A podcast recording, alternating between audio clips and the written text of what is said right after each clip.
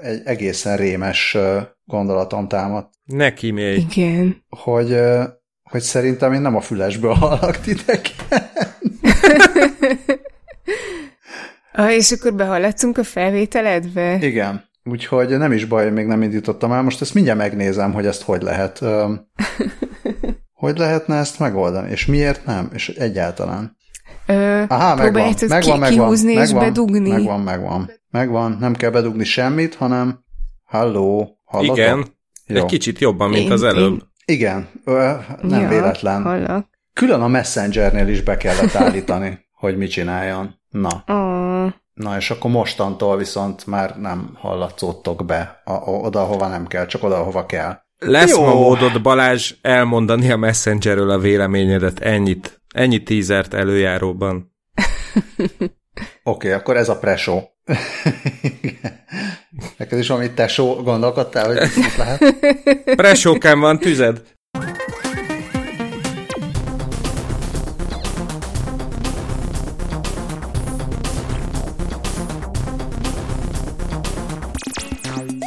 Drága hallgatók, szervusztok! Ez itt a 20 perccel a jövőbe. Én Lövenberg Balázs vagyok, és itt van velünk Scully. Sziasztok! És itt van velünk Dávid. Hello! Úgyhogy ez egy milyen metszet, vagy nem tudom milyen, valamilyen A7. Valódi tőzsgyökeres. Virtigli. Igen. Igen, sőt, aboriginál. A javából. Igen, meg, meg poszthúsvéti kellemes feltámadást és húsvétot kívánunk mindenkinek egyúttal. Következő húsvétre megvan, hogy mit kérünk. Így van, a poszthúsvéti adásunk totemállata az Ausztráliában kapható csokoládé kacsacsőrű emlős. Mindenkinek ajánlom a jegyzetben található fotót, mert szerintem úgy édesiparilag, mint, mint uh, biológiailag csodálatos alkotás, és közben, ezt csak most láttam, hogy amióta bedobtam a jegyzetbe, azóta megérkezett alá csokoládé vombat is, ami, ami ha lehet még legalább annyira csodálatos, úgyhogy igazából kedves ausztrál hallgatóink következő húsvét előtt gondoljatok majd a 20 perccel a jövőbe stábjára, és dobjatok meg minket léci csokoládé erszényesekkel. Hát Igen, meg, hogy szerintem ugye... nem feltétlenül csak húsvétra jöhet, hanem egyébként is, de húsvétra ugye azért sokkal jobb, mint a nyuszi, mert a kacsacsőrű emlős tényleg tojás tojik ellentétben a nyullal. Hoppá. Így. Pontosan így. És uh, akkor jöjjenek a follow ezután a totem állat után azért is lesz ez jó, mert az egyik follow szintén van egy állat, méghozzá egy tacskó, méghozzá egy süti kiszúró formájában, mert az történt, hogy valamelyik adásban nyífogtam, hogy én mennyire szeretnék süti szaggat, vagy szívszaggató süti kiszúrót, és, és az egyik hallgatónk, nem fogjátok kitalálni a nevét, Tamás, öm, akit egyébként is ismerek régebről, megkeresett, hogy, hogy ő tud nekem nyomtatni öm, 3D nyomtatóval süti formákat, és, és küldött egy ilyen óriási link gyűjteményt, hogy válogassak, amiből így alig tudtam ö, nagy nehezen kiválasztani egy, ö, egy halálcsillagot, meg ugye szerzett nekem ö, vágyaimnak megfelelően egy anatómiai szívhez is egy, egy mintát, illetve amikor bedobtam a srácoknak, akkor, akkor Dávid rárepült a tacskóra, és akkor így történt, hogy Tamás nyomtatott nekünk ilyen csodálatos süti kiszúrókat. Ezúton is hálánk üldözi Tamást minden irányból. Bizony, bizony. Én nem tudom, hogy kaptam-e már valaha ennél menőbb ajándékot meg ilyen, meg ilyen tök menő podcasternek éreztem magam.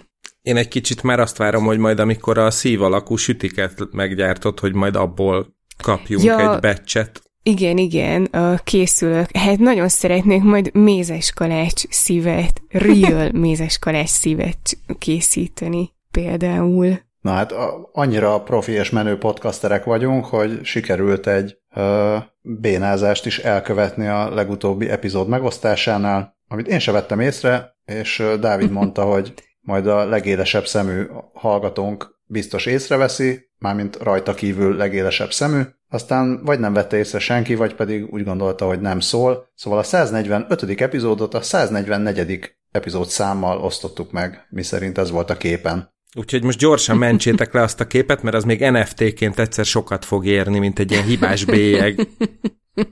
Apropó NFT, pici NFT follow-up, biztos majd valamikor majd még fogunk vele foglalkozni, részletesebben is. Kedves hallgatónk Áron megkommentált minket a Facebookon. Most azon gondolkodom, hogy szerintem valamelyik, tán Dávid a Ez az én, ez az én posztom alatt volt, igen, igen, igen, úgyhogy ez nem, nem a nyilvános kast.hu poszt alatt történt. Na, úgyhogy nem is idézek belőle szó szerint, de az a lényege a kommentnek, és akkor gondoltuk, hogy érdemes ezzel picit follow is foglalkozni, szóval azt mondta, hogy, hogy most így jól eljátszottuk a naív öregeket, de hát azért biztos értjük mi is, hogy mi ez az NFT. Persze, tehát értjük, hogy mi az NFT, meg tényleg kicsit rájátszottunk erre, hogy jaj, de öregek vagyunk, hogy ezt már nem értjük, vagy nem értjük, hogy ez miért jó. Persze, hogy ugyanazért jó, mint a, mint a játékkártya, meg a műkincskereskedés, csak a, amit szerintem, amire picit rájátszottunk, vagy ahol talán inkább a, na hát ezek a mai fiatalok milyen hülyék, meg régen minden jobb volt hangulat azért icipicit úgy a lelkünkből fakad, az az, hogy, hogy a nagy kérdés az az, hogy ez mekkora buborék. Tehát, hogy, hogy valóban van ennek jövője nem annak, hogy a, a fingokat vegyük meg 80 ezerért, hanem, hanem az, hogy ez, ez tényleg egy valid um, piacot úgy ki tud alakítani, ahogy most, vagy ami ennek most tűnik, tehát hogy tényleg mindenki ész nélkül adja ki a, az NFT-ket, és akkor milliárdokért veszik meg az emberek a, a tényleg a, nem tudom, a hibásan kiposztolt podcast képet.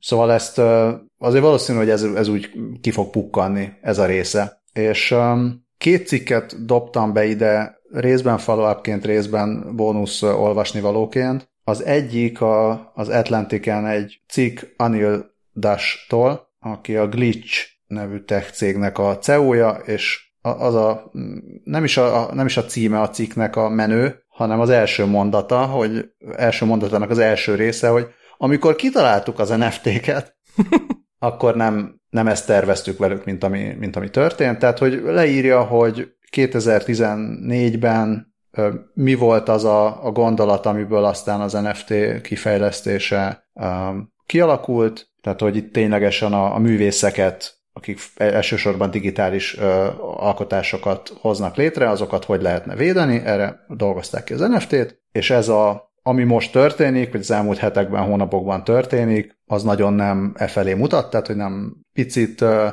arról beszél, ugye ilyen uh, micsoda szörnyet szabadítottunk rá a világra, uh, de hogy nem ez volt a cél, és hogy reméli, hogy azért vissza fog térni a, az alapgondolathoz ez a technológia, és hogy arra is jó lesz. Tehát nem csak, nem csak erre a hülyeségre lesz jó, ami most történik, hanem az eredeti célra is megfelelő lesz valamilyen módon ez a, ez a technológia. A másik cikk pedig a kiváló címet visel, az a címe, hogy itt van a cikk, amit elküldhetsz azoknak az embereknek, akik azt mondják, hogy de ugye nem sokára megoldódik minden környezetvédelmi probléma a kriptoművészettel.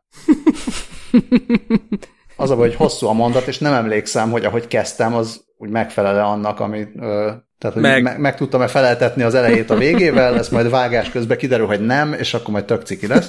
Szóval, szóval ez egy médiumos cikk, úgyhogy azt is tudjuk, hogy 22 perc elolvasni, de nem kell azért ehhez tartanatok magatokat, olvashatjátok akár 23, akár 21 percig is, de valóban választ kaptok benne azokra a kérdésekre, amik felmerülnek akkor, hogy igen, tehát amikor a 80 ezer dolláros fingot, vagy éppen a 1 millió mod bitcoint mostanában kibányásszuk, akkor, egy, akkor tényleg egy ilyen kisebb ország teljes GDP-ét költjük el ö, energiában, meg, ö, meg processzor munkában, meg ilyesmi. Szóval, hogy mi ezzel, a, mi ezzel a probléma, és miért nem fog ez megoldódni egyszerű módon. Igen, én, én, én csak annyival szerettem volna rövidre zárni a dolgot, hogy igen, tehát az NFT-t értjük, még azt is értjük, hogy a Elon Musk kedves felesége Grimes is kiadja, és 100 dollárokat keres a saját dalainak az NFT-én, azt már kevésbé értjük, amikor tényleg 80 dollárért lehet fingot venni, de hát ma, majd, majd az idő és, és a Balázs által is felvetett kérdések megválaszolása majd kérdés, hogy kit fog igazolni. De hát az angol nyelvben a, a fing és a művészet között csak egy betű a különbség. Nagyon jogos észrevétel, úgyhogy még az lesz a vége, hogy majd csak jót mosolygunk ezen az egészen. De még mielőtt jót mosolygunk, azelőtt ránézünk a jegyzetekre, hogy a mosolygós cikk előtt van még egy cikk, csak a lap alján, és ezért nem látszik. Mégpedig az, hogy... Nálam nincs. Mégpedig az, hogy személyre szabott szépséget generál az AI. Na igen, de ez már a szebb vagy, ha mosolyogsz rovat. Ez így van. De, nem, még, de még nem az a cikk, hiszen arról beszélünk, hogy lehet mosolyogni. De valóban. Na, most kiválóan elbeszélgettünk saját magunkkal, tehát ez valóban a szebb vagy, ha mosolyogsz rovat. Abban is az első cikk az, hogy mesterséges intelligenciával gyártottak mindenkinek kedvére való szép arcot. Kik? A Helsinki és a Kopenhágai egyetemek kutatói. És miért? Ez nagyon jó kérdés, gondolom különböző támogatási pénzekért, de nem, hát azért is, mert szerettek volna publikálni a, a Transactions of, on Effective Computing, és effektív nem mint effektív, hanem affektív. Tehát az affektív számítás tudomány közlönyben publikáltak egy cikket erről, hogy hogyan tudnánk megértetni a gépekkel, hogy az emberek mit tartanak szépnek. És erre 30 jelentkezőt szedtek össze, és csináltak egy olyas, olyan, hát egy ilyen applikációszerűséget, ami úgy működik, mint a Tinder, és adtak, vagy egy, eleresztettek egy ilyen generatív, adverzariális neurális hálózatot, miszerint Gant, hogy készítsen száz mm, ilyen műarcot, amiket egyenként megmutattak a jelentkezőknek, jól ráfókuszáltak, és alaposan rágondoltak, hogy melyiket találják szépnek, és melyiket kevésbé. Eközben EEG sisakot viseltek, és igazából nem, tehát nem kellett így swipe jobbra-balra, hanem csak, csak rá, kellett, rá kellett nézni így jól. És akkor a GAN értelmezte a, az agyhullámok változását, és ez alapján uh, alakította át utána a, az arcokat, és próbálta egyre szebbé tenni az adott embereknek. Igazából nagy, nagy tehát hogy nem, nem mentek egyelőre ennél tovább, Gondolom, hogy majd évente írnak erről egy cikket, és akkor majd valamikor eljutunk oda, mint a Hör című filmben, vagy nem tudom, hogy milyen egyéb filmekben van ez, hogy mindenkinek ott van a szerinte legszebb Scarjo, és fordítva, mármint, hogy így mindenféle preferenciáknak megfelelően. Igazából a, tényleg itt a, a fő cél az az volt, hogy a, az eddig objektív minták alapján válogató rendszereket egy picit próbálják afelé vinni, hogy, hogy az egyéni preferenciákat is fel tudják mérni. Tehát ne csak az legyen, hogy felismeri, hogy ez objektíve nyúl, az pedig objektíve egy kocka alakú doboz, hanem azt is, hogy na, látom, hogy nem tudom, Misiels papénak, a kutatás vezetőnek. Ez az ember tetszik, míg Anant Kumárnak, a cikkírójának pedig Amaz, és akkor és akkor nem tudom, hogy majd mitől lesz jó, de legalábbis sokkal többet meg fogunk tudni a, a gépi látásról, és a, az agyszámítógép interfészek és az AI megoldások kapcsolatáról. Még arra leszek kíváncsi, hogy ez milyen hatással lesz esetleg, ha lesz hatással, az mindenféle ilyen neurális hálózatok meg ai a különböző biasaira. Tehát, hogy ugye amit így egyszer beleprogramoztak, hogy nem tudom, ez rossz, az, az, az, az jobb, az meg nagyon jó, és akkor aztán ez ugye szépen felerősödik néhány tízmillió iterációval később, amikor ezt találkozik azzal, hogy de egyébként van X ember, akinek meg ezt tetszik, meg Y ember, akinek meg azt tetszik, és Z ember, akinek meg amaz, hogy akkor majd ez, ez hogy fog össze találkozni azzal, amit egyébként a, beleprogramoztak egy, egy algoritmusba. Most azt persze nem tudom meghatározni, hogy ez a kettő hogyan tudna találkozni, de, de akkor is érdekes lesz látni, hogy a, amit, amit tényleg egyszer beleraktak, illetve amit élő valódi emberek reakcióiból és agyhullámaiból kiolvas egy gép, az majd hogyan tud, fedi vagy nem fedi egymást. Hát én ezt úgy tudom elképzelni, hogy ezek úgy találkoznak, hogy majd így két AI beszélget, és akkor az egyik majd így mondja, hogy haha, én úgy tudom, hogy mit tudom én, az X bőrszínűek, nem olyan szépek és nem olyan jó fejek, és akkor erre majd mondja ez az éjjel, hogy de hát ez nem is úgy van, mert egy csomóan máshogy látják, ez majd így lesz. E- ezt én úgy képzeltem, hogy két AI beszélget, az egyik azt mondja, hogy egy, a másik azt mondja, hogy nulla, és aztán mind a ketten röhögnek. és, és utána leigezzek a világot. Igen. Ja, és utána megcsinálják a Vasember 42-t, amiben minden egyes, minden egyes nézőnek a saját preferenciái szerint lesz deepfake az összes színész. Ennyi. És akkor majd ezt mosolyogva nézhetik. Kérdés, hogy mennyire lesz őszinte az a mosoly. De biztos lesz ilyen kritikus, aki majd még azt is lehúzza. Nem volt elég jó. És csak nem, ilyen... nem vagy lehúzza, vagy húzza a jobbra száját. húzza, vagy ja, balra igen. húzza a száját. Ja. Te például merre húzod a szád, amikor mosolyogsz? Ö, jó kérdés. Én, én sem tudom, de így a Cambridge-i Egyetem mesterséges intelligenciája megállapította, hogy, hogy nagyszerű a fék mosolyom. Ez amikor le akarsz lassulni a görkorival? És sikerül. Nem ez esetben ez esetben fake volt, bár egyébként tényleg, amikor a múlt héten beszélgettetek a, a deepfake-ekről, akkor annak kapcsán megint eszembe jutott, de szerintem már beszéltünk a deepfake-ek és ellensúlyok rendszeréről. Olyan szinten, hogy volt is talán adáscím. Ja, igen. Mert de miért, miért mosolyogtál te? Miért mosolyogtál te a Cambridge Egyetemre? Vagy annak az AI-jára? hát azért, mert csináltak most egy, egy oldalt, ahol tesztelhetjük, hogy át tudjuk-e verni az AI-t, legalábbis ez volt a, a hatásvadász üzenet, ami miatt így elkezdtem nézni, hogy ez mi is, de valójában mm, arra szeretnék felhívni a figyelmet, hogy nem csak a, az arcfelismerési technológiák és azok használata lehet veszélyes, hanem a, az érzelem felismerés is, ugyanis ilyet is használnak már egy csomó helyen, ezek olyan, olyan rendszerek, ami az emberek arc kifejezését vizsgálják, és az alapján hát próbálják meg felismerni, hogy éppen milyen érzések dúlnak bennük, és um, állítólag már egy kínai cég például otthoni ápolástól kezdve börtönökig szinte mindenhol használja, sőt, elvileg egy indiai városnak a vezetői olyat is terveztek, hogy a nemi erőszaktól szorongó nők felismerésére vagy azonosítására használják ezt a rendszert, és a Cambridge Egyetem kutatói pedig, pedig arra akarják felhívni, hogy, hogy e körül még nagyon sok kérdés van, onnantól kezdve, hogy egyáltalán fair dolog-e ilyet használni, egészen adék, hogy, hogy kimondja meg, hogy hol, hogyan és mire lehet használni, illetve hát még azt is figyelembe kell venni, hogy ennek vannak hibái, nem tökéletes, Például ebben is vannak ilyen rasszista előítéletek. Azt hozták példának, hogy hogy egy csomó ilyen rendszer a fekete férfiak arc kifejezését alapból mérgesebbnek látja, mint a, vagy ítéli meg, mint a fehérekét, és hát egy másik hiba, hogy nem is működik túl jól, mert a túlságosan leegyszerűsíti a különféle érzelmeknek az azonosítását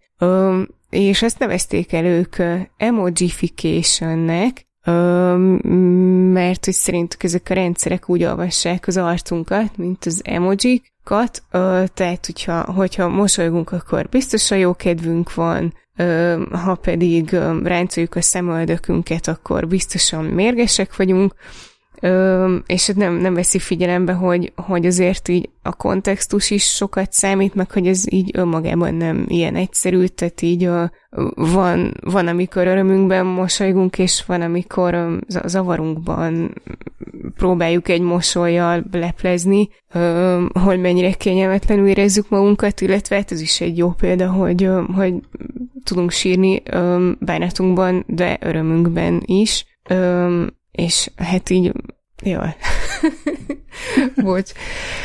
Ö, tehát így érdemes a kontextust is figyelni, és ezért hozták létre ezt az Emojify nevű oldalt, ahol, ahol egyrészt megnézheted, hogy, hogy mennyire jól vagy rosszul teljesít a rendszer, vagy meg is próbálhatod átverni, és akkor itt, itt próbálkozhatsz olyannal, hogy megmondja neked, hogy akkor most uh, vágjál mosolygó, és dühös, és undorodó arcot, és ilyesmi, és akkor az alapján így elemzi, hogy te most így valóban mit csináltál, és nem tudom, egy kicsit fura az oldalnak a felépítése, én kipróbáltam, mert megígérték, hogy nem tárolják az arc, vagy az a képet, és hát így ez nyilván el is hittem.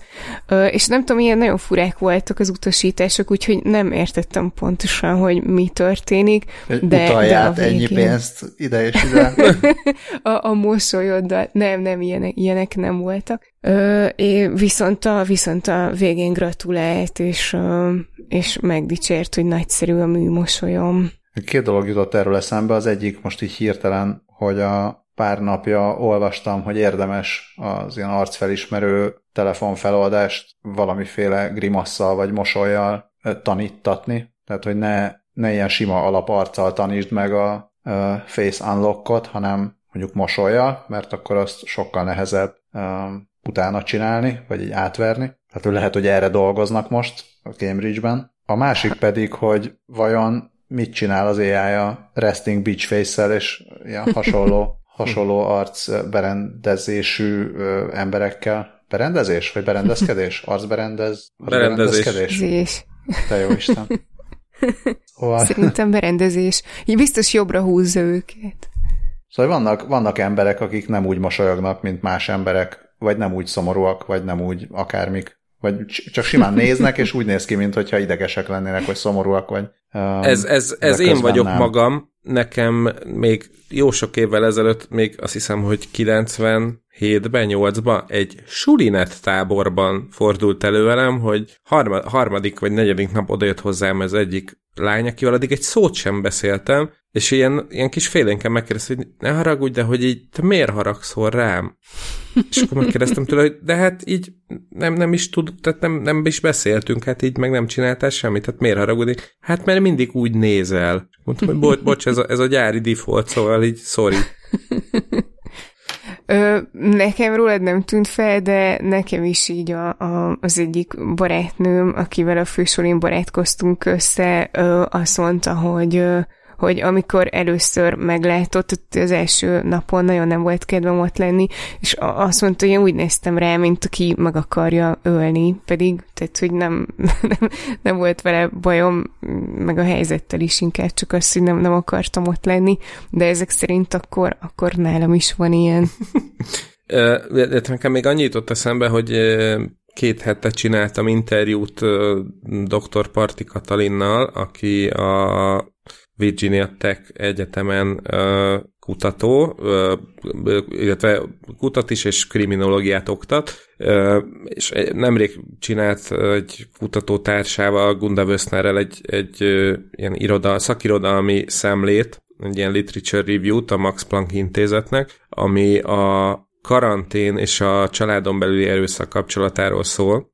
Ez tudom, hogy nagyon nem passzol általában passzol a podcast fő csapás irányába, csak azért gondoltam érdekesnek itt ennél a témánál, mert Skari említette, hogy ezt a mm, érzelem felismerő algoritmust lehet használni arra is, hogy akár az erőszaktól félő vagy szorongó nők, vagy bárki nek az azonosítására lehetne alkalmazni, és eljutott eszem, hogy egyrészt dr. Parti Katalin is arról beszélt, hogy hát a járvány alatt nem tűnt el a családon belüli erőszak, csak nem látunk rá, és e, itt, itt például jól jöhetne ez, a, ez az algoritmus, illetve azt mondta, hogy, hogy még a, a járvány elején nem voltak meg azok a, az eszközök, amivel a bántalmazó, bántalmazott ö, emberek tudnák jelezni a, a külvilágnak, hogy ők egyébként egy bántalmazó kapcsolatban élnek, amikor egyébként a nap 24 órájában össze vannak zárva a bántalmazójukkal, és hogy nem lehet egy Zoom, Zoom callba se bemondani ezt, és ezért alakult ki egy, egy,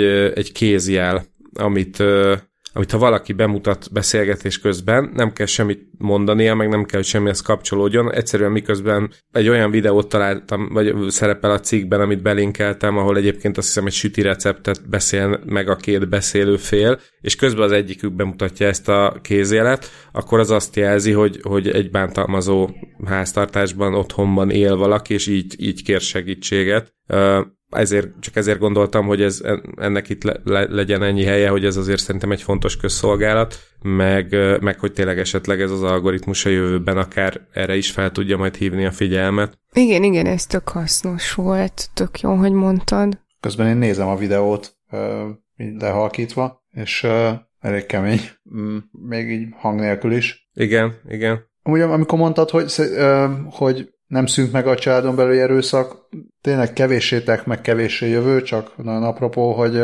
ha jól tudom, akkor talán még növekedett is, tehát hogy ez még így erősítette is ezt a... Um, Igen. Vagy hát rá, rá, is, rá is erősített sajnos uh, ezekre, a, ezekre a helyzetekre, ugye az összezártságnak. Igen, ugyanakkor a pont, pont a, a kutatók és, és egyéb mentálhigiénis és, és családügyi szakemberek meg pont azt ér, érzékelték, hogy ö, ezzel párhuzamosan viszont csökkent a, az ilyen jellegű feljelentések és rendőrségi bejelentések száma, éppen azért, mert az otthon ülő bántalmazottak nem tudnak a retorzió félelme nélkül jelezni, hogyha bajban vannak.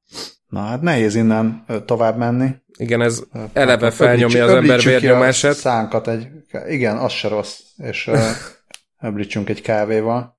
Igen, egy, és kávéról.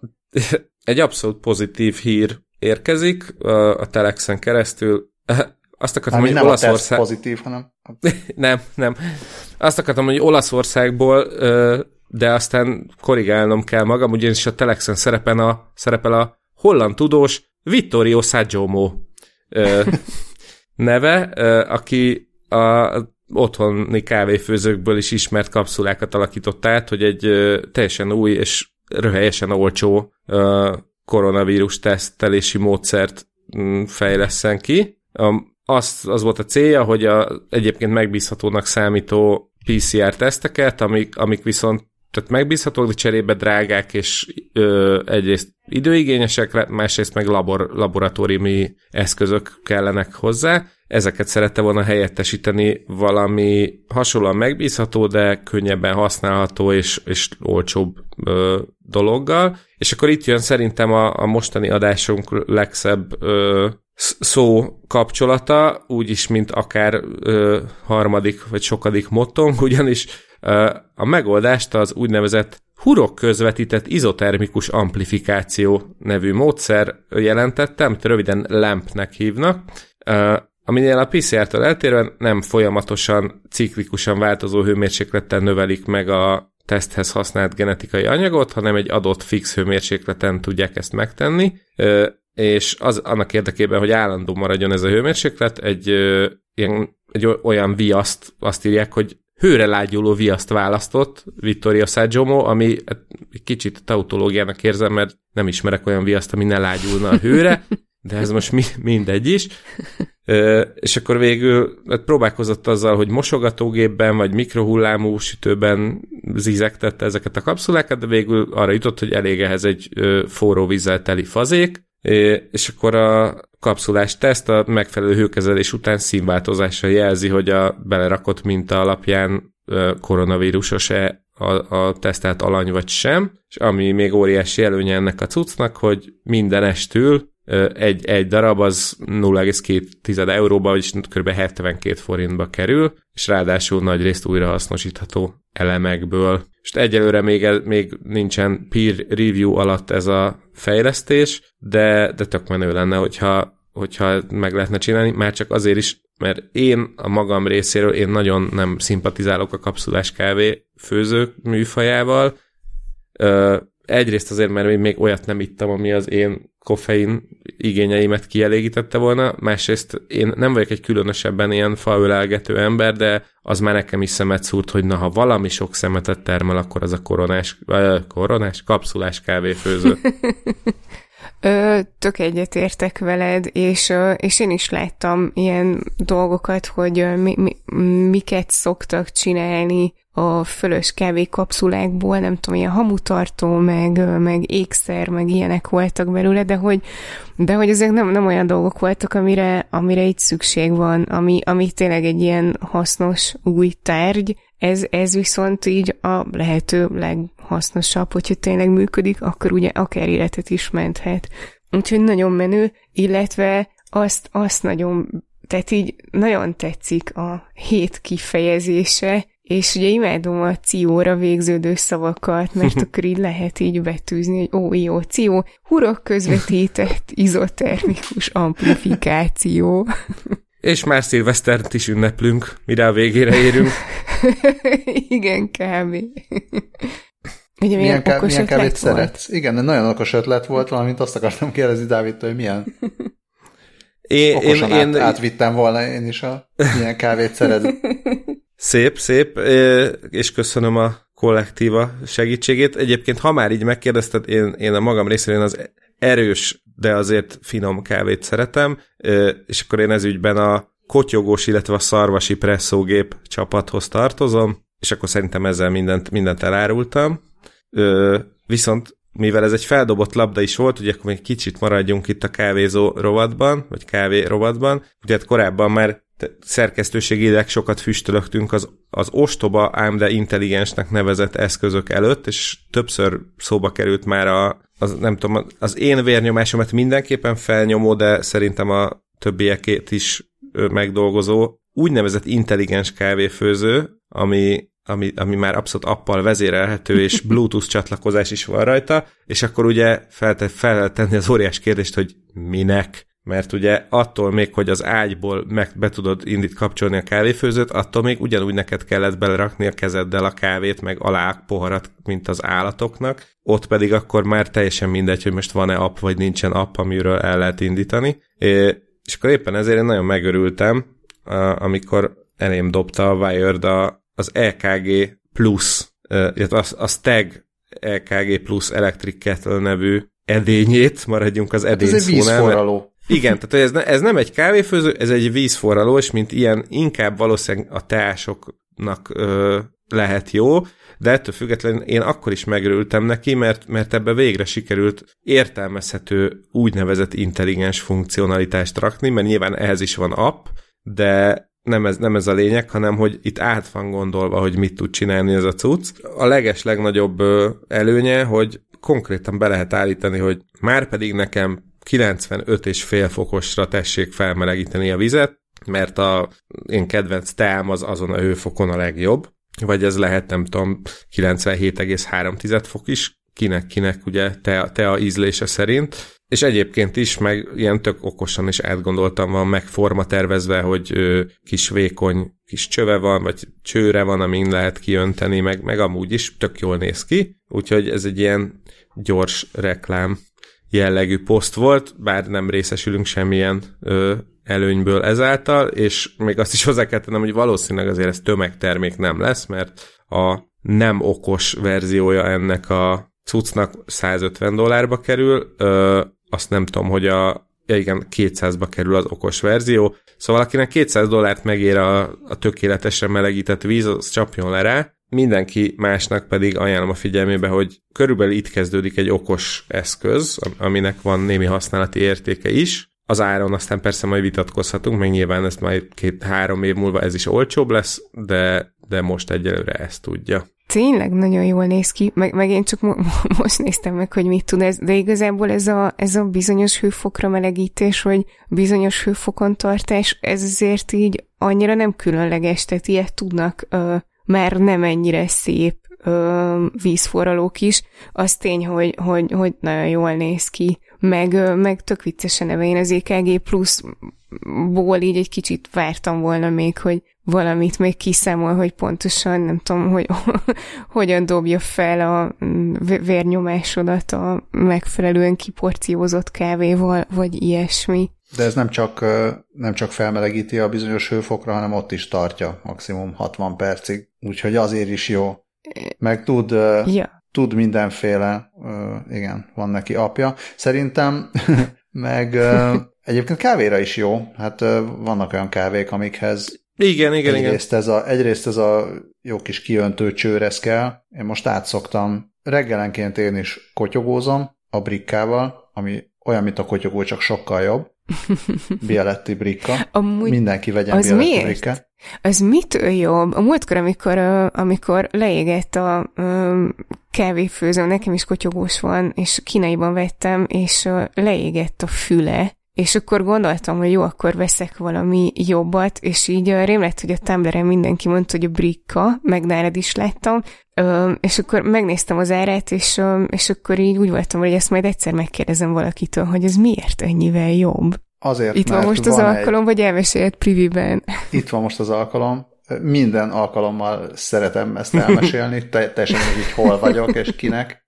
A, ahol jön ki a kávé, ott van rajta egy hát nem tudom, ezt folytószelepnek hívják, vagy minek, de egy ilyen, ilyen súlyszerűség, és ezért nagyobb nyomáson jön ki a kávé, és ezért közelebb van az eszpresszóhoz, tehát a, rendes gépi eszpresszóhoz a mhm. minden. Mm-hmm. Tehát a, az is, a, a, amilyen anyagok kijönnek a kávéból emiatt, hogy nagyobb nyomással jön ki, meg ahogy kinéz. Tehát, hogy ha érzékeny arra, hogy hogy van megdarálva, hogy milyen szemcseméretre van megdarálva, tehát nem nem fog úgy működni valószínűleg, mint a, mint a buta kotyogós, tehát simán lehet vele rosszabb kávét is főzni, uh-huh. de, de hogyha kitapasztalod, meg érdekel, akkor, akkor sokkal-sokkal jobb kávét is lehet vele főzni, mint a sima hát, hát akkor vehetsz egy, vehetsz egy drágább kávéfőzőt, amiben csak bizonyos speckó, valószínűleg drágább kávék jók. Hát, hogyha jobb kávét akarsz főzni, akkor amúgy is ugye jobb kávét Aha. érdemes hozzávenni, de hogyha ezek nem annyira érdekelnek, akkor tehát a, a szarkávéból nem fog jobbat csinálni. Aha. Egy, az, az, mennyire, az mennyire okos kávéfőző lenne, ami hát a szarkávéból jobb igen. kávét csinál. Ha viszont valaki az erős kávét köszönöm. részesíti előnyben, akkor a szarvasi presszógépet tudom nagyon jó szívvel ajánlani, mert az ócsó gyakorlatilag elpusztíthatatlan, és olyan kávét csinál, amitől még a Damage-nek is félrevert a szíve, már pedig aki ismeri a Damage koffeinfogyasztási szokásait, az tudja, hogy ez egy elég komoly fegyvertény. Egyébként még csak a brikkára visszatérve, Balázs biztos te tudod, mert én csak láttam róla egy hír talán két évvel ezelőtt, hogy, hogy befejezik, abba hagyják legalábbis a, az Origi olasz brikka gyártását, és már csak ilyen ö, azt hiszem, hogy Romániában utángyártott darabokat lehet majd venni, hogy ez változott az, azóta esetleg megmenekült a brika a bezárástól. Nem tudom, tehát ezt ne is mondd, mert itt hagyom abba a podcastot, és rendelek mindjárt tíz példányt valahonnan. Értékesebb lesz a brika, mint az NFT, nem tudom. Mert igazából ezek a, ezek a tárgyak, biztos. igen, ezek, ezek a tárgyak amúgy örök életűek, tehát hogyha az ember nagyon, nem tudom, nem dobja Mordor tüzébe, vagy valami, akkor maximum annyi történhet, hogy időnként a t- különböző tömítést, ilyen tömítőgyűrűt cserélni kell, az pedig, hát ha más nem, akkor valaki majd biztos 3D nyomtat nekem egyet méretre. De még azt akartam mondani, hogy amihez még jó ez, a, ez az öntős, a filter kávéhoz, meg én mostanában átszoktam, lehet, hogy a hely szelleme miatt a török kávéra délutánonkéntra, és, és ahhoz is tök jó, hogyha van ilyen öntőke, meg ahhoz is jó, hogyha van precíz hőmérsékletű víz. Szóval, a török kávé az, az melyik? Az olyan, mint a French press? Nem, a török kávé az az, hogy nagyon-nagyon finom por rá van őrölve uh-huh. a kávé, és leöntöd a vízzel, és utána, hát az a zaccos magyarul, tehát hogy a, aha, aha. Szóval, hogy benne van, egyszerűen be, ott, ott van a kávé a vízben, hőt közölsz az edénnyel, és akkor egy ilyen másfél-két percig ott így el van, ázik benne, utána leöntöd, vár, vársz egy kicsit, hogy a pohárba, de a pohárba belemegy maga a kávé uh-huh. is, tehát nem csak a kávé folyadék, hanem a kávé szilárd por is, és az ott leülepszik egy darabig, és akkor arra kell figyelni, hogy ezt ne nagyon idd meg a végén. Uh-huh. Az, az Vagy nem annyira legalább rágd, me, rágd meg jól.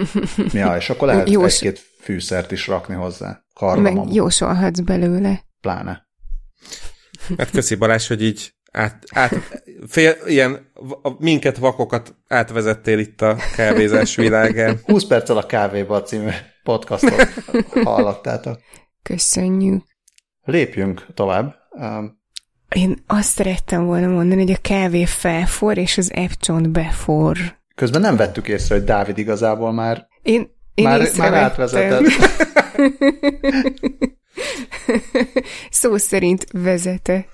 Igen, a kutya rovatba érkeztünk meg, és hát egy végül is én szerintem annyira nem szomorú hírrel, annak ellenére, hogy azt írtam címnek, hogy elveszik a vakvezető kutyák munkáját, de szerintem azért ezt a vakvezető kutyák igazából annyira nem bánják, a vak, vak és gyengén látó emberek pedig valószínűleg még annyira sem, mert a University of Georgia kutatói fejlesztettek egy, egy vakvezető AI-t, aminek az a nagy előnye... Azt mondja, AI!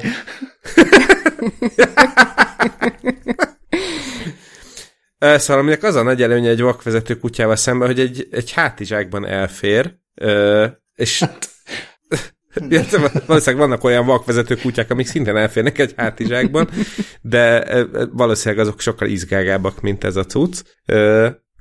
És ez nagyon okos mm, dolgokat tud, tehát van benne GPS, egy, egy, egy okos AI rendszer, tehát egy laptop, ami, amin ez fut, és úgynevezett Oak D kamera rendszer, meg hát a mögött még fut né, némi spéci szoftver, meg az Intelnek egy külön ilyen videóprocesszor chipje is belekerült, és akkor hát az egy dolog, hogy ugye hát a GPS alapján el tud igazodni, de hát kell bele elég erős computer vision is, hogy, hogy tényleg a vakoknak és gyengénlátóknak értelmes segítséget tudjon nyújtani arra van betanítva ez a mesterséges intelligencia, hogy olyan tárgyakat ismerjen fel, amiket egy látóember is látna. Egy autó, bicikli, másik gyalogos, de még akár olyan is, hogy a, hogy a faágak, amik kilógnak a járdára, és le kell hajolnod, félre kell hajolnod előlük, hogy ne nyomják ki a szemedet.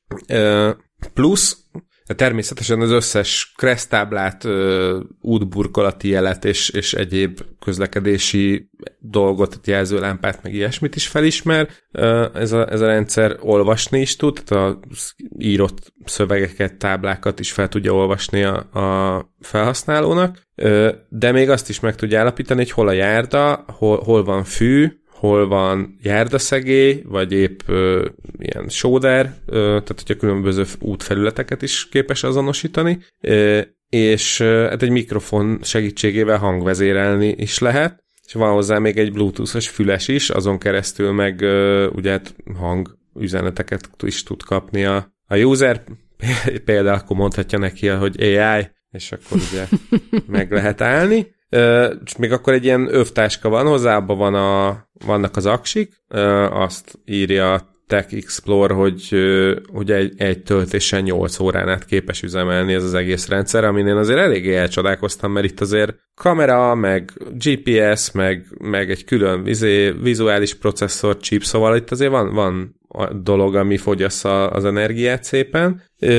Ja, tényleg, még, még akkor olyanokat is tud, fel, fel tud ismerni a rendszer, hogyha mondjuk van egy pad kirakva a járdára, vagy ott van egy cserepes növény, vagy egy másik ember áll, ül, cipőt köt, akármit, ö, és mivel mélységi információt is képes kezelni, feldolgozni, ezért azt is meg tudja mondani, hogy egyébként most egy járda vagy egy zebra felé közelítesz, de még nem értél oda. És hogyha menet közben esetleg az út kanyarog egy kicsit, vagy, vagy lejt emelkedik, még azt is látja a rendszer, és azt is képes jelezni. Szóval ez, ezt úgy összerakták ott a georgiai kutató lányok, fiúk. Nagyon, viszont hogyha ez így elterjed mondjuk itthon, Dávid, neked nem szabad azon emberek közelébe menni, akik ilyet használnak. Hát ez elterjed, Mert, akkor majd onnantól csak ólomköpenyben lépek ki az utcára, nehogy interferenciát okozzak valamelyiknél. Igen, igen, és amikor mondtad ezt a, ezt a 8 órás akuidőt, vagy tehát, hogy mielőtt már elkezdted, vagy mielőtt már oda jutottál, már elkezdtem azon gondolkodni, hogy, hogy mennyire ciki lehet, amikor mondjuk így reggel azért nem tud elindulni valaki, mert este elfelejtette felrakni töltőre a rendszerét, illetve Szerintem pár adással ezelőtt beszéltünk arról a nőről, akinek bionikus karja volt, és egy konferencián az emberek nem voltak hajlandóak átengedni neki egy konnektort, hogy tudja tölteni a karját, mert mindenki a saját telefonját akarta tölteni. Igen. Igen, hát Gondolom azért az emberek ezt, a, a vak és gyengélátó emberek ezt a bottal kiegészítve használnák leginkább, amikor, ami, ami viszont már tényleg egy elég elegendő Persze, kombó az, az nem merül le. Ja, hát, egy... hát igen, igen, de hát a címben is az van, hogy, hogy nem kell a bot. De persze, igen. Sőt, tehát, hogy ö, egy, egy csomó ö, vak és gyengén látó tud közlekedni bot nélkül is. Tehát hogy nekem, nekem is volt, volt olyan ismerősöm, aki, ö, aki mondta, hogy, hogy ő sima e botot csak azért hordja, hogy az anyukája nyugodt legyen, de egyébként ő, ő így ö, nagyon jól tud a hang alapján is tájékozódni, meg egyéb érzékszervek alapján az egyébként számomra ilyen egészen lenyűgöző, hogy vannak olyan vak és gyengélátó emberek, akik tudnak úgy tájékozódni, mint a denevérek, most itt idézőjelben, mert nyilván nem ö, hmm. ultrahangokkal, de hogy ez a ilyen ekolokációval. De egyébként ö, érdemes megnézni a videót, ami a TechXport cikkében benne van. Nem kell végignézni, ez egy 9 perces videó, ö, és bőven elég csak belekattintgatni ott körülbelül az első egyharmadában, vagy a második egyharmadában is vannak képek, amik megmutatják, hogy egyrészt mit lát a rendszer,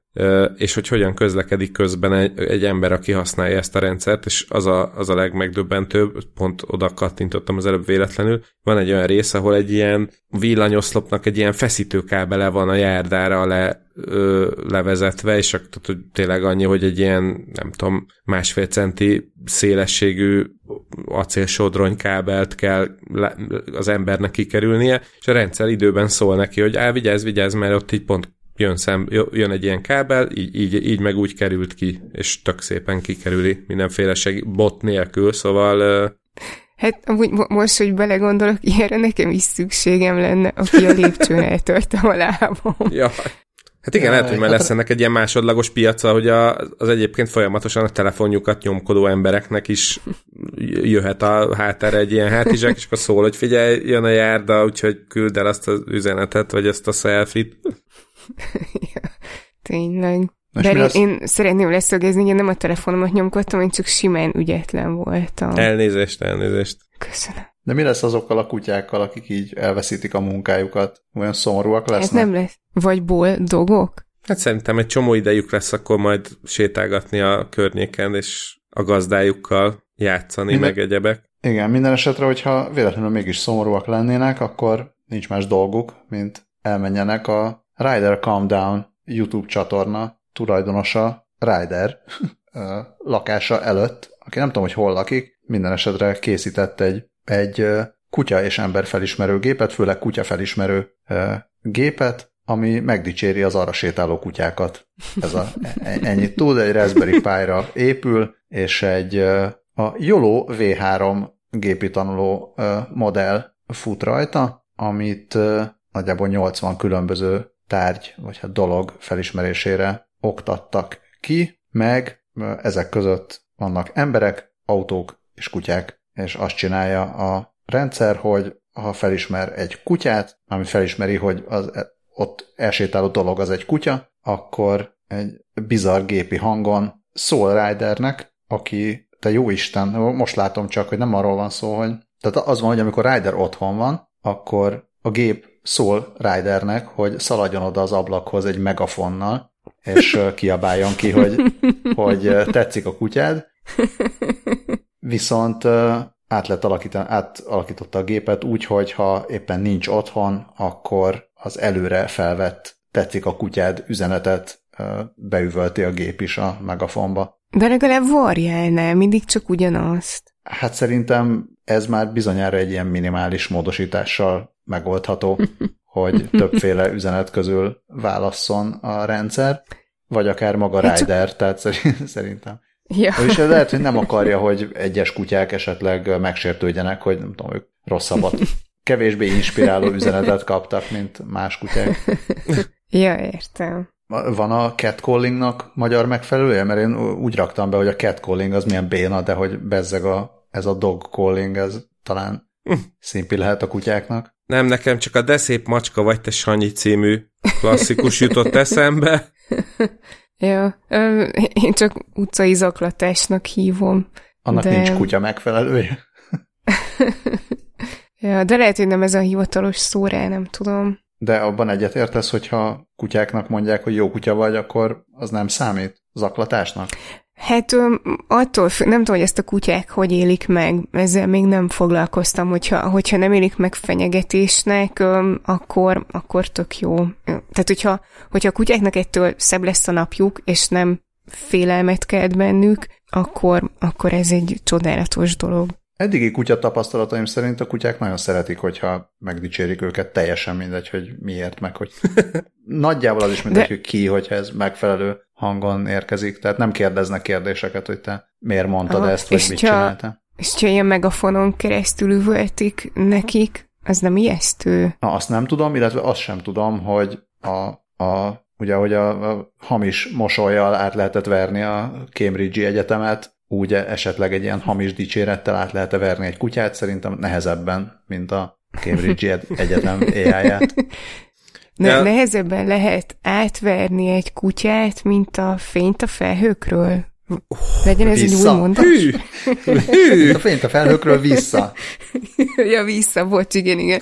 Igen, ez, ez is olyan hosszú mondat volt, hogy már végére elfejtettem, hogy honnan indultunk. Ahogy drága nagymamám mindig is mondta, ne, ne, a, a, a fény visszaverő felhőt könnyen, könnyebben utolérik, mint a sánta kutyát. Ö, még csak a kutyás témához ö, annyit jutott eszembe, hogy hát akkor esetleg a múltkori adás tanúságai alapján nem csak a lovakhoz lehet valószínűleg ö, gügyögni, hanem a kutyákhoz is, de akkor már is verődök vissza a felhőkről, ö, különösen, mert ezzel megérkeztünk a naprendszer rovatunkba, és egy, egy izgalmas ötletről számolt be a Kubit még március 25-én.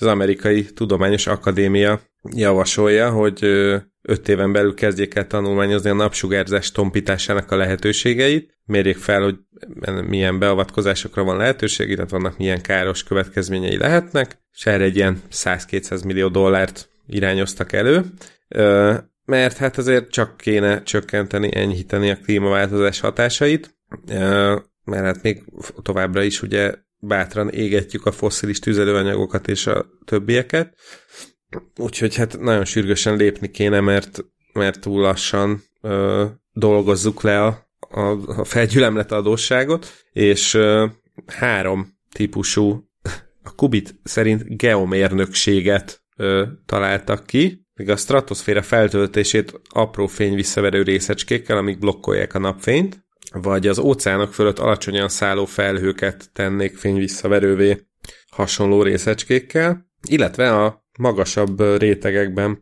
kialakuló Cirrus nevű felhők, magyarul pehe, pehely felhőket vékonyítanák el, hogy több hő tudjon távozni a Föld légköréből.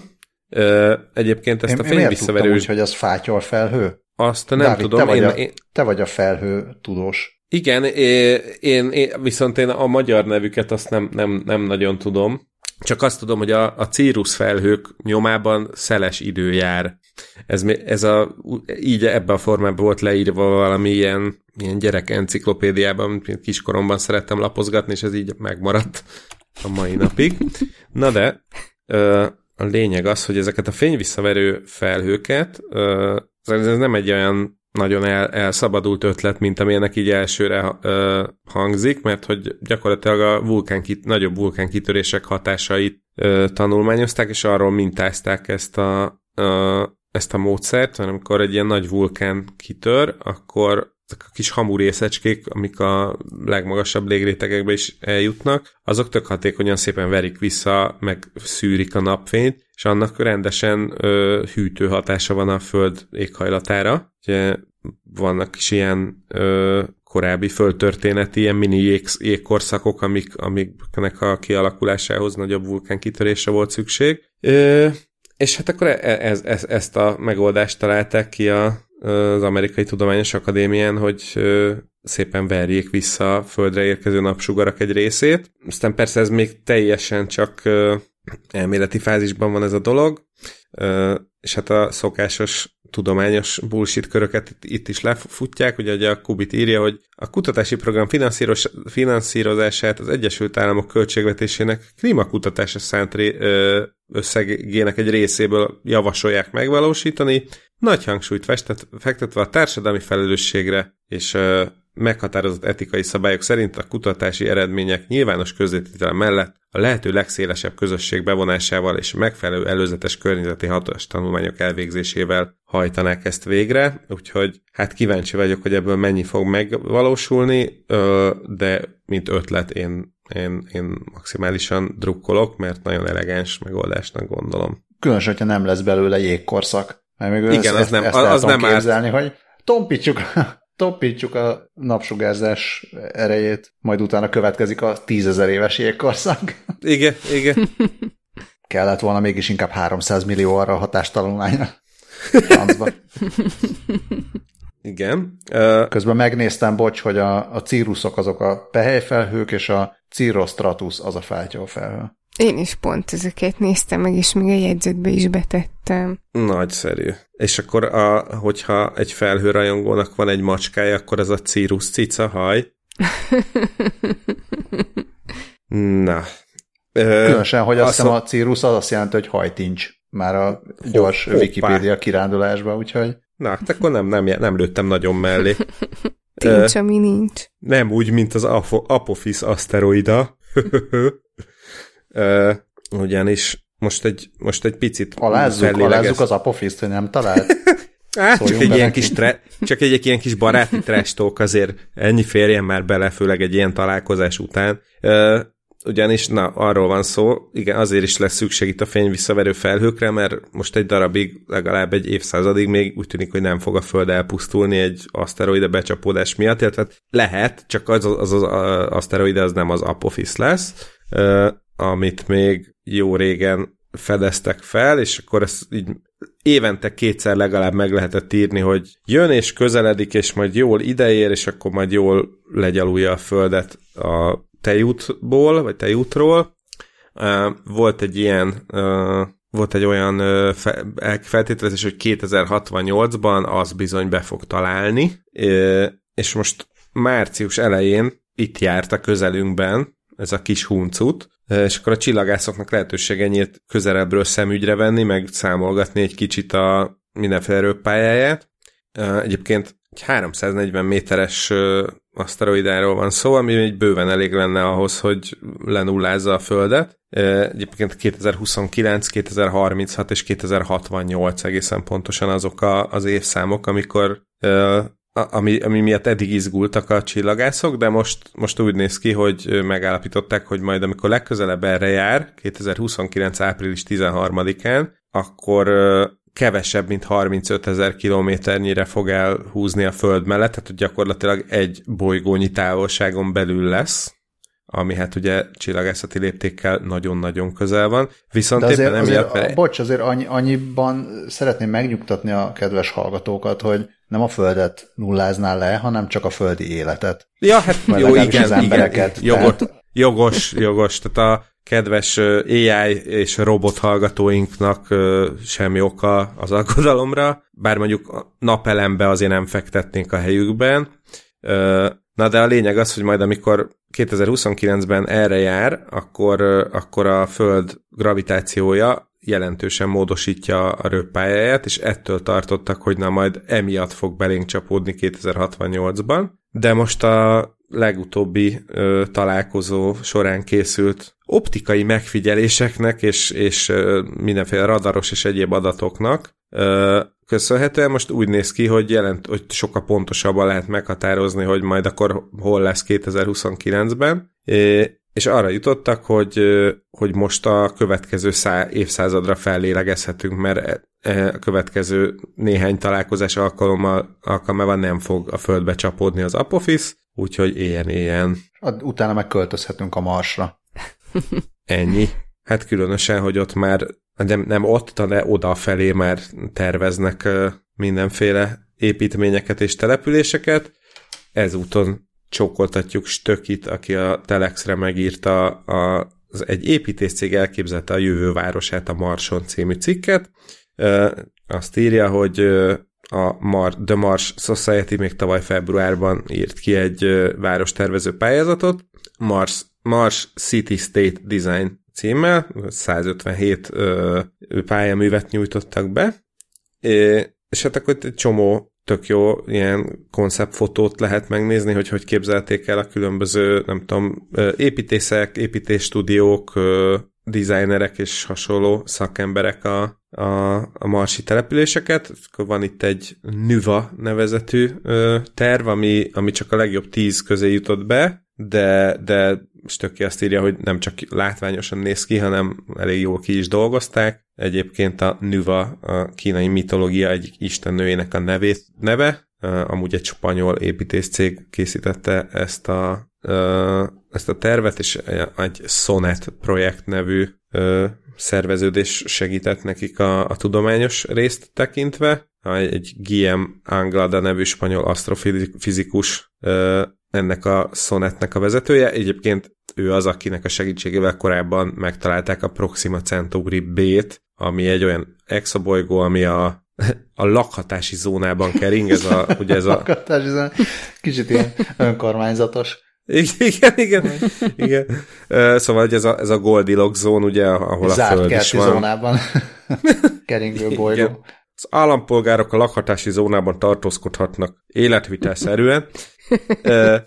Egyébként ezt a Nüva nevű marsi várost 250 emberre tervezték, és egy 25-35 négyzetméteres lakás könnyű 300 ezer dollárba kerülne, amiben már az odautazás költsége is benne lenne. Ez szerintem nem, így soknak tűnik, de azért ha belegondolunk, hogy ez a Marson egy lakás odaúttal együtt, akkor mindjárt nem annyira veszélyes, különösen, hogy hát nem tudom, ez egy ilyen, ez egy ilyen menő luxusautónak az ára, Ja, hát ez azért mondjuk városnak azért nem nevezném a 250 emberrel, ez inkább ilyen kisközség. Hát jó, kisközség, kisközség, és most nézem, hogy egy ilyen szűk 61 millió forintról beszélgetünk, azért ahhoz képest tehát 60 milliós lakások, azok, azok ma már nem, tehát sok-sok, de az nem az ilyen extrém kategória. Ja, és ilyen örök panoráma, meg ilyenek, azok nem, nem tudom, hogy hát, mennyire valósulnak meg. Azon gondolkodtam, hogy az mekkora szívás, hogyha mondjuk oda költözöl 2060-ban, vagy valami ilyesmi, vagy kicsit később, és akkor a Marsba csapódik egy aszteroida, mert azt már nem számolták ki. Re, de ez pont és, az, ami elkerüli a Földet. Igen. És, és hogyha fel is robban tőle a Mars, akkor lesz a szuper nüva. Ű, jaj. De egyébként a egészen biztos... és kozmológusok, ne írjatok. Igen. csak, csak a szóvit miatt mondtam. Egyébként aztán még lehet, hogy még, még ezzel együtt is ki lehetne bírni a, a Marson egy aszteroida becsapódást, ugyanis uh, már eleve ott nem annyira jó lakni a sok káros sugárzás miatt. Ugye sem most, Nüvasz... hogy nincs ott még város se. igen, igen. Úgyhogy a Nuva City nagy részét is bedugják szépen majd a, a föld alá, vagyis hát a Mars alá, vagy, vagy be, beleválják a, egy sziklaszítbe és akkor ott lesz ilyen terasszerűség, ahol azért némi napfényt is be lehet majd engedni. Különösen fontos ez azokon a részeken, ahol mindenféle növényes zöldségtermesztés folyna, illetve hát ahol energiát is termelnének. És hát igen, szóval, hogy az, az kölcsön csak el nagyon gyorsan 61 milliót egy 25-30 négyzetméteres marsikéróra, aki amúgy viszonylag jól bírja a monotonitást, mert a, valósz, a tervek szerint itt a munkaidő 68%-át tenni ki a, az, hogy így az alapvető szolgáltatások működjenek, tehát hogy életben maradjon, mindenki legyen mit enni, legyen áram, és mondjuk a hulladékot is ö, újra hasznosítsák. Uh, úgyhogy... És lenne ott kórház, iskola és egyetem is, amit megint csak hát úgy 250 főből hárman járnának egyetemre. Ez... De az, az a Marson, mert az a Marson, mert világegyetemnek számít. hát viszont igen, a, tényleg akkor a Nuva City felé menet is oda is egy világjegyet kell majd vásárolni. Uh, és a, ja igen, azt írják, hogy minden 26 hónapban egy alkalommal uh, van lehet, lenne lehetőség hazaugrani a földre, ami egy, egy, egy és három hónap közötti indulási ablakot jelent, viszont ha valamire nagyon sürgősen szükség lenne, az több hónap alatt tudna csak megérkezni az anyabolygóról, úgyhogy hát aki, aki nem tudom, szívesen dolgozna, nem tudom, az Antarktiszon, vagy a vagy Svalbardon, vagy valami hasonló távol és elhagyatott helyen, az nyugodtan kezdjen el spórolni, mert akkor ezek szerint van rá, lehet, van rá esély, hogy ilyen 20-30 év múlva lehet indulni a Mars felé. Ja igen, egyébként még egy Nexus Aurora nevű tervet említ ki, amelyik végül megnyerte ezt a városépítő pályázatot, miben az a truváj, hogy nagy medencéket tennének az épületek tetejére, és az ebben lévő víz védene, védené az embereket a sugárzástól, ami egy okos, vagy jobb a felképzelés, az már egy jobb, jobb kérdés, hogy azt a sok vizet ott a Marson hogyan, hogyan fogják összeszedni, mert tudom, hogy ott van valamennyi, de azért ezt összeszedni nem, le, nem lenne kismeló. Hát néhány hónap alatt elküldik a Földről. Ha csak úgy nem. Hát annyi, annyi mindent elküldtünk már a Földről, nem? A Marsra. Hát igen, ja, bocsánat, tényleg, én közben is. azért, azért maradtam itt csöndben, közben meg itt nálunk ilyen azért, emberek elkezdtek járni kelni, ami igazából még akár átvezetés is lehetett volna. igen, de végül is ö, valóban eljuttattunk a Marsra ezt, azt nem olyan régen, ugye köztük a Perseverance nevű marsjárót is, ö, ami, amiről már akkor lehetett tudni, hogy visz magával egy kis helikoptert is, ami az első helikopter, illetve az első repülő jármű lesz a Marson, ami közlekedik majd, illetve arról is volt szó, hogy mindenféle ilyen jópofa easter egget, meg tiszte, mindenféle más előtt való tisztelgést helyeztek el a, ezen a marsjárón, és például a, a fékező ernyőből ki, ki lehetett olvasni a názának a, a, a mottóját, Na, nehogy elteljen mond... nap, hogy nem írtunk valamit a Marsról. Igen, igen, igen, és hát akkor már, már akkor mondták, hogy majd lesznek még további ilyen meglepetések, ahogy a marsjáró megkezdi a, a munkáját, és valóban most, amikor március 21-én ledobták a, a Perseverance-ről azt a takaró lemezt vagy tokot, ami a kis helikoptert védte, akkor írta meg a Fizorg, hogy egyébként magával vitte a Wright fivérek repülőgépének egy picike darabját is, a Wright Flyerből származó kis szövetdarabot, az 1903-ban építették ugye ezt a jellegzetes repülőgépet, ami az első repülő volt, és egy körülbelül egy ilyen bélyeg nagyságú darabka a, ennek a repülőnek a bal szárnyából, amit a Wright fivérek szülővárosa Dayton, Ohio ajánlott fel, és a Wright fivérek, hűha, ők, ők unokahúga és ők unoka öccse is áldását, áldását adta erre. Anélkül nem is lehetett volna. Igen. És azt mondta Steve Lucht, a Ohio-i Carrion Historical Park kurátora, hogy Wilbur és Orville Wright biztos, hogy büszkék lennének rá, hogyha tudnák, hogy kis 1903-as repülőjüknek egy kis darabkája, a, annak a gépnek egy kis darabkája, ami a, az űrkorszakot elindította, most újra bekerül a, a repülés történetébe azzal, hogy, hogy eljut a Marsra, és el, egyből valós időben follow is magam, hogy ezt nem Steve Lucht mondta, hanem ezt Amanda Wright Lane és Stephen Wright írták egy közleményben. Akik az ők unoka húg és hát, fivér. Távoli leszármazottak. Igen.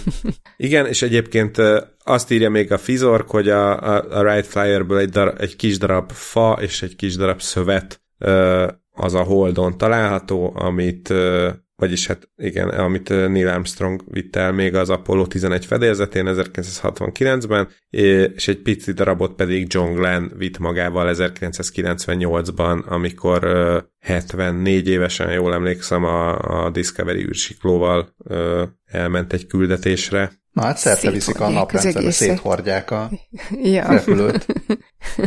Jó, lépjünk tovább még mielőtt tényleg teljesen szétkapják ezt a repülőgépet. Szóval az előbb azt akartam mondani, hogy tovább lépésre is alkalmas lett hogy járkálnak itt össze-vissza az emberek, mert tovább léptünk már az egészségrovatba, igazából nem tudom, hogy miért nem korábban voltunk az egészségről. Én rovatoztam, most nem Dávid, ezért picit, már korábban is beszéltünk.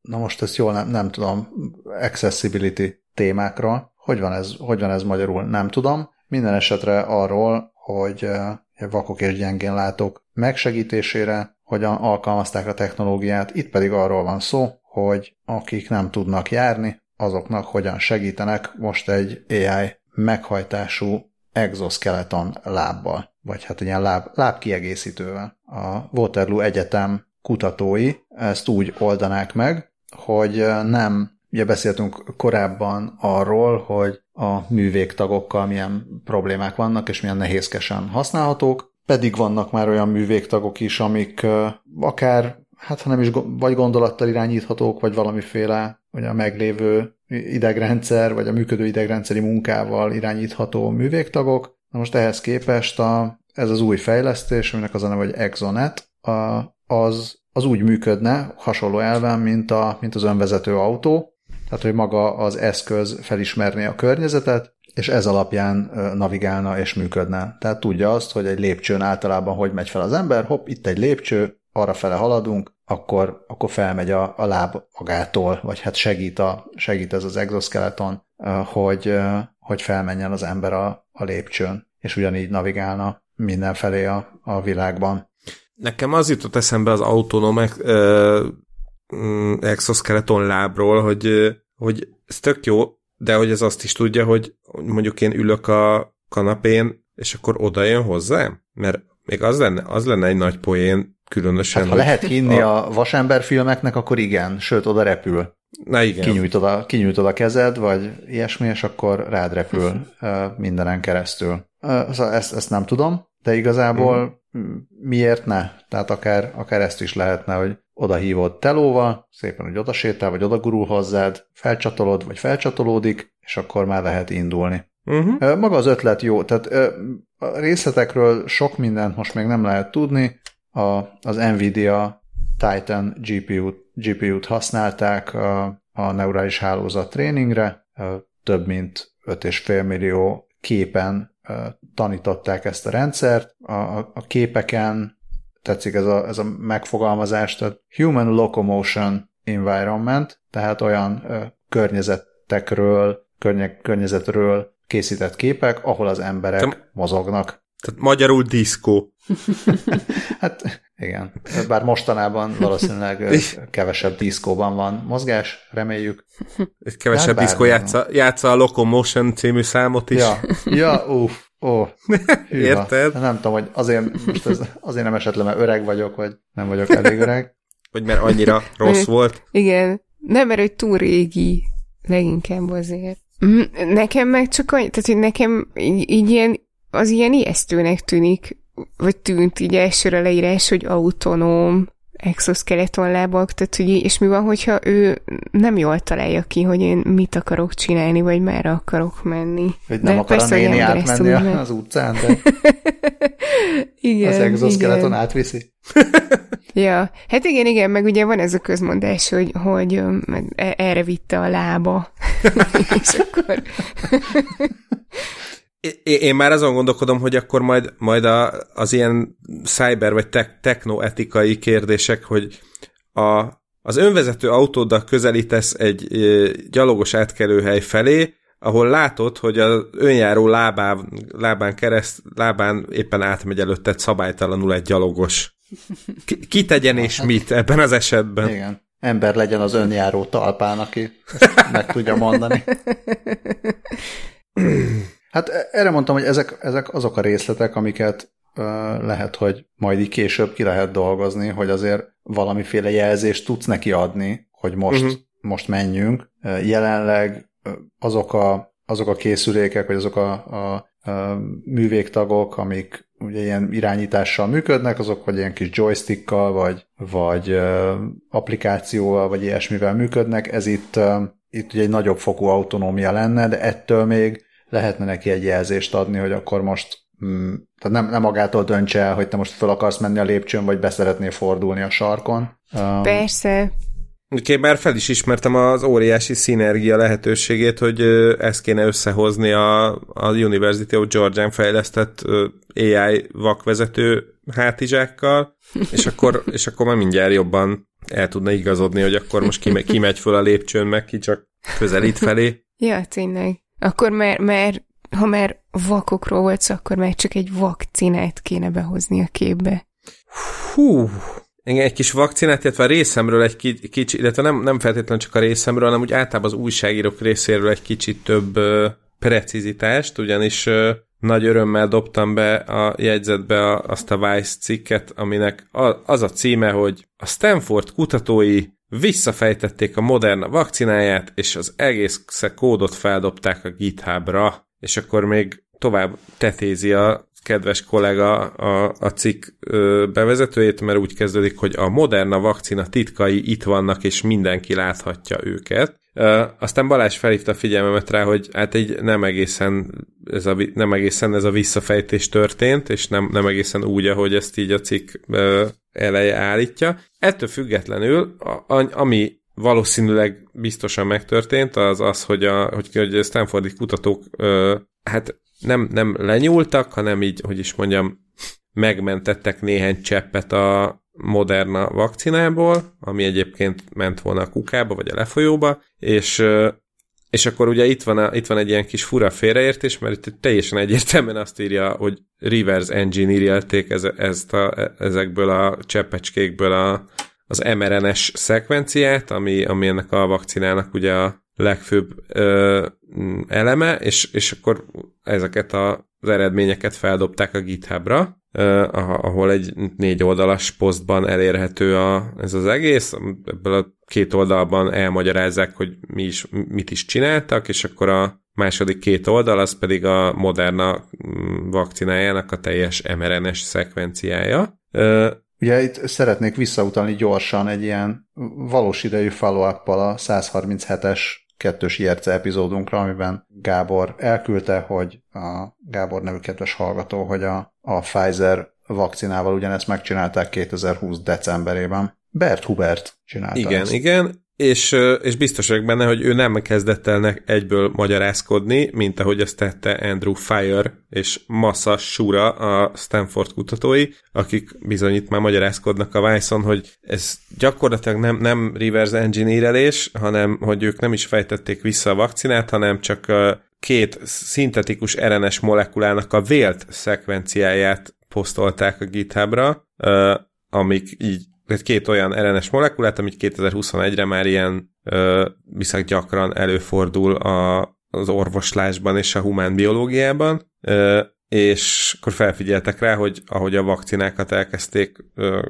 piacra dobni, ezek a szekvenciák egyre több ilyen kutatásban és tanulmányban jelentek meg, és akkor ők tudni akarták, hogy egyrészt akarták biztosan tudni ezeket a szekvenciákat, és kíváncsiak voltak rá, hogy, hogy ez megkülönböztethető-e más RNS, ö, RNS szálaktól, ö, és úgy gondolják, hogy, hogy az, hogy ezt ők így leírták, ez, ez a jövőbeni ilyen orvosi, biológiai kutatásokhoz egy, egy nagyon hasznos eszköz lesz. Tehát rövides, röviden ennyiről szól a, a hír, ö, és akkor ezt sikerült a Vice-nak abba belecsomagolni, hogy visszafejtették, és ott van, és mindenki megnézheti. Úgyhogy egyfelől tök jó, hogy feldolgozták így a kutatók, és más kutatók is ok, tanulhatnak ebből, meg, meg felhasználhatják a saját kutatásaikhoz, másfelől pedig fekete pont a Vice-nak a kattintásvadász címadásért is. De lehet, hogy akkor meg nem, nem foglalkoztál volna vele. Lehet, de hogyha egyébként az van, az van leírva, hogy, hogy a GitHubra, fe, GitHubra feltöltötték a Moderna szekvenciáját, az nekem már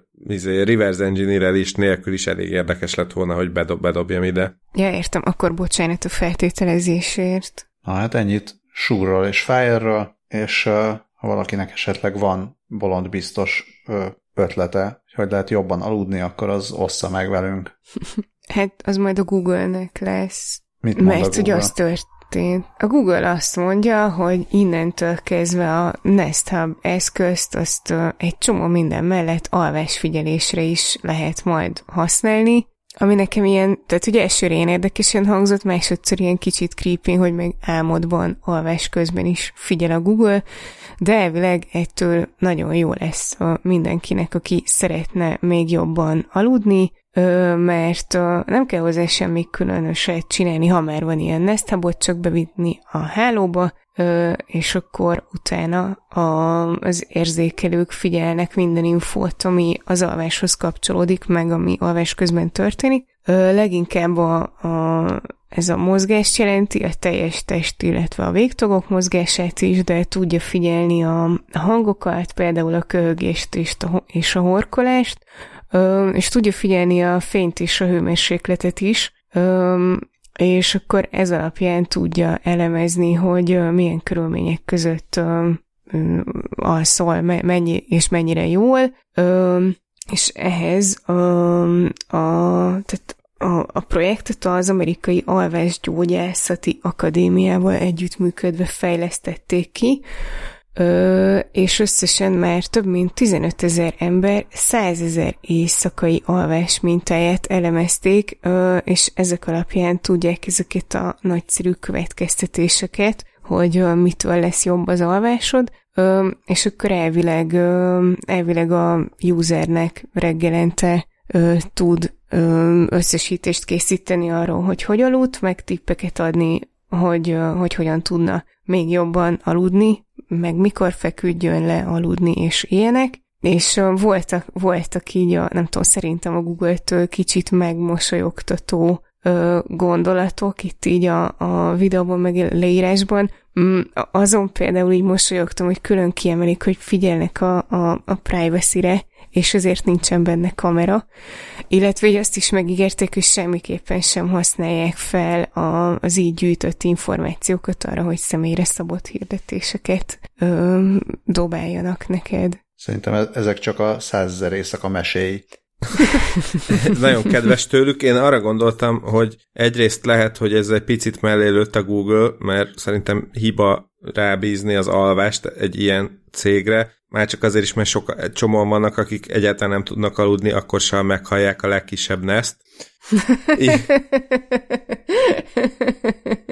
Illetve, hogy itt még az alvási folyamat zárásaként reggel igazán főzhetne egy Nest kafét a, a tulajdonosának.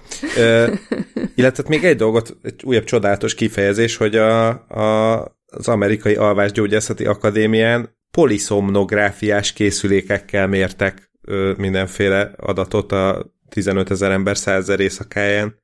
Ö, igen, igen, illetve azt, azt mondják, hogy, hogy a Google Nest tud olyan szintű adatokat mérni, mint amilyeneket a poliszomnográfiás alvásvizsgálatoknál készítenek, és amennyire rákerestem, az elvileg a legösszetettebb alvásvizsgálat. És ez ugye azért nagy szám, mert hogy ehhez nem kell semmilyen ilyen külön viselhető cuccot felvenned, csak a, mm, a Nestnek a a Nestabnak a szenzorai figyelnek téged. Most Hello, én... Nesty! Igen, erősen gondolkodtam most valami poliszom szóviccen, de lehet, hogy ahhoz már késő van, és már előre a, az alvásból nekem rögtön már a rémálom rovat közelített az agyamba. A fennállásunk valószínűleg legdurvább képanyagával. Igen, úgyhogy hát mondhatom, hogy nem kérünk elnézést, de, de elnézést kérünk, szóval hogyha valaki tényleg most alvás előtt van, akkor lehet, hogy nem most nézze meg ezeket a képeket, a, amik a, ahhoz a cikkhez tartoznak, ami arról szól, hogy hiperrealisztikus bőrt gyártanak Oroszországban humanoid robotok számára. Nem tudom, hogy amióta utoljára jártam Oroszországban, milyen a, milyen a realisztikus bőr ott embereken, de lehet, hogy nem is akarok menni, hogyha ha ilyen a hiperrealizmus. Um, nagyon durva, nagyon durvák a fotók tényleg. Szóval már az első képen valami olyasmit láthatunk, mint a, az eredeti Emlékmás című filmben, amikor, most nem tudom, hogy elspoilalom-e a kb. 40 éves filmet, vagy még több, szóval a, ott van egy ilyen, amikor az ember leveszi, vagy, vagy le, leveszik róla a, a bőrt. Hát ez körülbelül úgy néz ki, tehát ez a nem teljesen nem teljesen jól illeszkedő bőrt levesznek valami fura 3D modellra, a fülek össze-vissza állnak, valami bizarr ilyen műanyag szemgolyó van a, az egész mögött, és egy ilyen cserepes, viaszos száj bámul kicsit kinyitva a, a nézőre. Szóval ezt a Promobot nevű orosz cég Vladivostoki laboratóriumában gyártják különleges polimerekből, természetesen 3D nyomtatással, és gyártanak hozzá máshol a ilyen fém, hát belső fémvázat mondjuk ki, hardverrel és szoftverrel mindennel együtt, ami a mozdulatokat irányítja, és azt mondja Piotr Csegodájev, aki az új laboratórium vezetője és egyébként szobrász, hogy olyan antropomorf robotokat szeretnék gyártani, amelyek nem csak valósághűek, de vonzóak is, tehát hogy esztétikusak legyenek. Na ez nem annyira jön le a képekbe, vagy hát nem tudom, hogy Vladivostokban milyen az esztétika, de... Ezen még dolgozni kell egy kicsit, viszont ha jól látom, akkor ez ilyen, az ilyen előre haladott alkoholisták kicsit ilyen, ilyen nem is tudom, lázrózsás, vagy, vagy nem tudom milyen ilyen rozáciás bőr elszíneződését, azt már elég jól tudják imitálni, legalábbis ami így az, akartam mondani, hogy az utolsó előtti kép, de nem, ez a de sajnos inkább nem. úgy mondom, inkább úgy mondom, hogy a, igen, alulról a negyedik kép, amint több fej is látható, ott a jobboldali kékszemű ö, arcnak a bőre, az tényleg már egy ilyen súlyos alkoholizmusra árulkodik, de, de akkor tényleg akkor még csak most, utána jön a neheze. Ez, ez tényleg milyen lenne, nem? Tehát Vladivostokban valami rettenetes munkás negyedbe ott így felállítják a laboratóriumot, és így megcsinálják a szerintük szép és esztétikus humanoid robotokat, aztán amikor találkoznak a világ többi részének valóságával, akkor az egész összeomlik. Én, én közben azon gondolkoztam, hogy simán lehet, hogy vannak ennél sokkal jobban kinéző és realisztikusabb műbőrök is, csak hogy azokról azért nincsen hírverés, mert hogy a jó bőrnek nem kell a cégér. Hoppá! Ez, ez összetette volt, mint a jó bőrre számítottam, de erre nem. ja, hát vagy még az is lehet, hogy azt a hipergazdagoknak árulják, és különböző nagy cégek, szociopata vezetői, akik lehet, hogy humanoid robotok, lehet, hogy nem, lehet, hogy hiperrealisztikus De nekik van bőr a képükön. Igen. Nagyon szép, nagyon szép az átvezetés, de nem tudok elmenni amellett, hogyha már ott, hogyha már felemlegetted a, a, a szupergazdagokat, hogy a bőrzsóáziára gondolsz?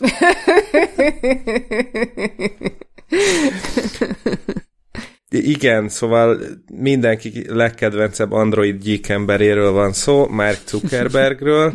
Ö, a, eddig is ö, ugye előszeretettel élcelődtünk a Facebookon, hogy, hogy hát mennyire szeretik, szeretnek felköpni és aláállni, és most ennek, ennek mutatta be Mark Zuckerberg a, a non plus ultráját, amikor is a Boeing Boeing megírta, illetve egész pontosan egy Dave Walker nevű ilyen cybersecurity kutató ö, twittelte ki, hogy Mark Zuckerberg bizony nem a Facebook Messenger-t használja, hanem a Signal titkosított üzenetküldőjét, ami az egy dolog, hogy, hogy titkosítja az üzeneteket, de hogy nem is a Facebooké. És én, én nagyon remélem, hogy ez mindenkiből olyasmi reakciókat vált ki, mint belőlem, ugyanis én, hát hogy is mondjam, nyomdafestéket nem tűrő szavakkal dobtam ezt be a jegyzetbe, hogy kedves Mark Zuckerberg mit, kivel és mit és hogyan én, én azt hiszem, hogy, tehát, hogy, hogy megláttam ezt a hírt, és akkor utána tényleg nagyon komolyan elkezdtem gondolkodni rajta, hogy, hogy, hogy tényleg hogyan tudnám megoldani, hogy megszabaduljak egy életre a Facebook Messenger-től,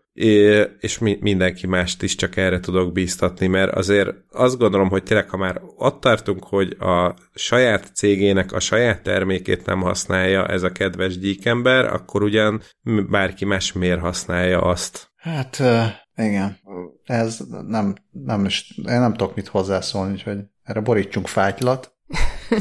ne, ne, ilyen, ne ilyen csúnya hírekkel búcsúzzunk el. Hanem búcsúzzunk el. Búcsúzzunk el arról a, azzal a csodálatos képpel, amiről a NASA sajtóközleményt adott ki. Mm, ezt a képet a Hubble űrteleszkóp készítette, és a fátyol köd szerepel rajta, ami a hattyú csillagképben található, körülbelül 2100 fényév távolságra a Földtől, és azt lehet még tudni erről a képről, illetve a rajta szereplő dolgokról, hogy a fátyolköd egy szupernóva maradványnak a része, ami körülbelül tízezer évvel ezelőtt keletkezett, amikor megsemmisült egy, egy csillag, ami kb. 20-szor akkora, mint a nap, és olyan szépeket írt a NASA, hogy így kb.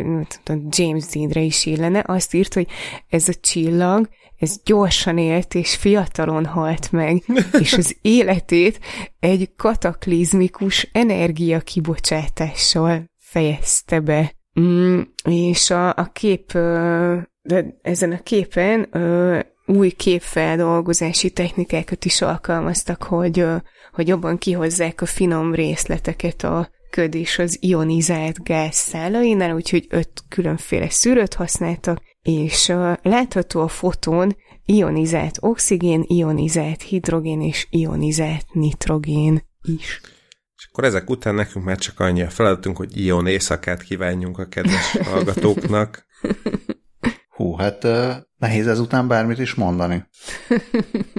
Úgyhogy csak egy gyors köszönet a hallgatásért, meg a megosztásokért, meg mindenért, hogyha esetleg, ezt már rég mondtuk, és biztos, hogy Scully is már rég olvasta az iTunes review-kat, de hogyha esetleg valaki iTunes felé jár, és becsillagoz mondjuk ötöt, a mi podcastunkra, akkor azt nagyon szépen köszönjük, illetve nem csak, hogy köszönjük, hanem akkor hát, ha más kedves hallgatók is legyenek tamások vagy nem tamások, emberek vagy nem emberek, botok, stb. kisállatok, szintén megtalálnak minket, és akkor annak mi nagyon örülünk, meg ti is örültök, mert akkor attól minden jobb lesz. Úgyhogy uh, Dávid már jó éjszakát, jó éjszakát kívánt, és én csak azt mondom, hogy szervusztok. Sziasztok! Hello!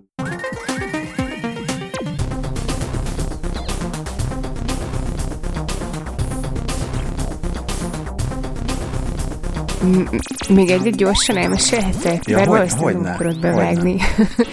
Csak annyi, hogy amikor az Apophis-ról volt szó, akkor eszembe jutott, hogy ugye a, a Csillagkapuban az első néhány évadban így hívták a főgonoszt, és ugye a nagy kedvencem a magyar Goa'uld párt, aki egy időben a, a Facebookon ilyen csodálatos üzeneteket osztott meg, és nem tudom, így, tehát azt is közölték, hogy Apophis nagy úr dönt, nem az ENSZ és ilyenek, de ez még 2018-ban volt, és azóta már így leálltak, ö, csak így, csak azon rögtön, hogy azzal kezdtük, hogy ha-ha, így azért kiröhöghetjük az apofiszt, hogy most nem sikerült, hogy nehogy, nehogy majd, mit tudom én, az apofisz észrevegye, hogy a magyar Goa'uld párt miket irogatott róla 2018-ban, csak ezt akartam elmesélni. Reméljük erre nem kerül sor. Én meg nem, nem néztem ezeket a dolgokat, úgyhogy igazából fogalmam sincs, hogy mi mire vonatkozott, ja. de remélem, hogy ja, hát vannak, akik meg pláne. igen. akkor ne is vágd be.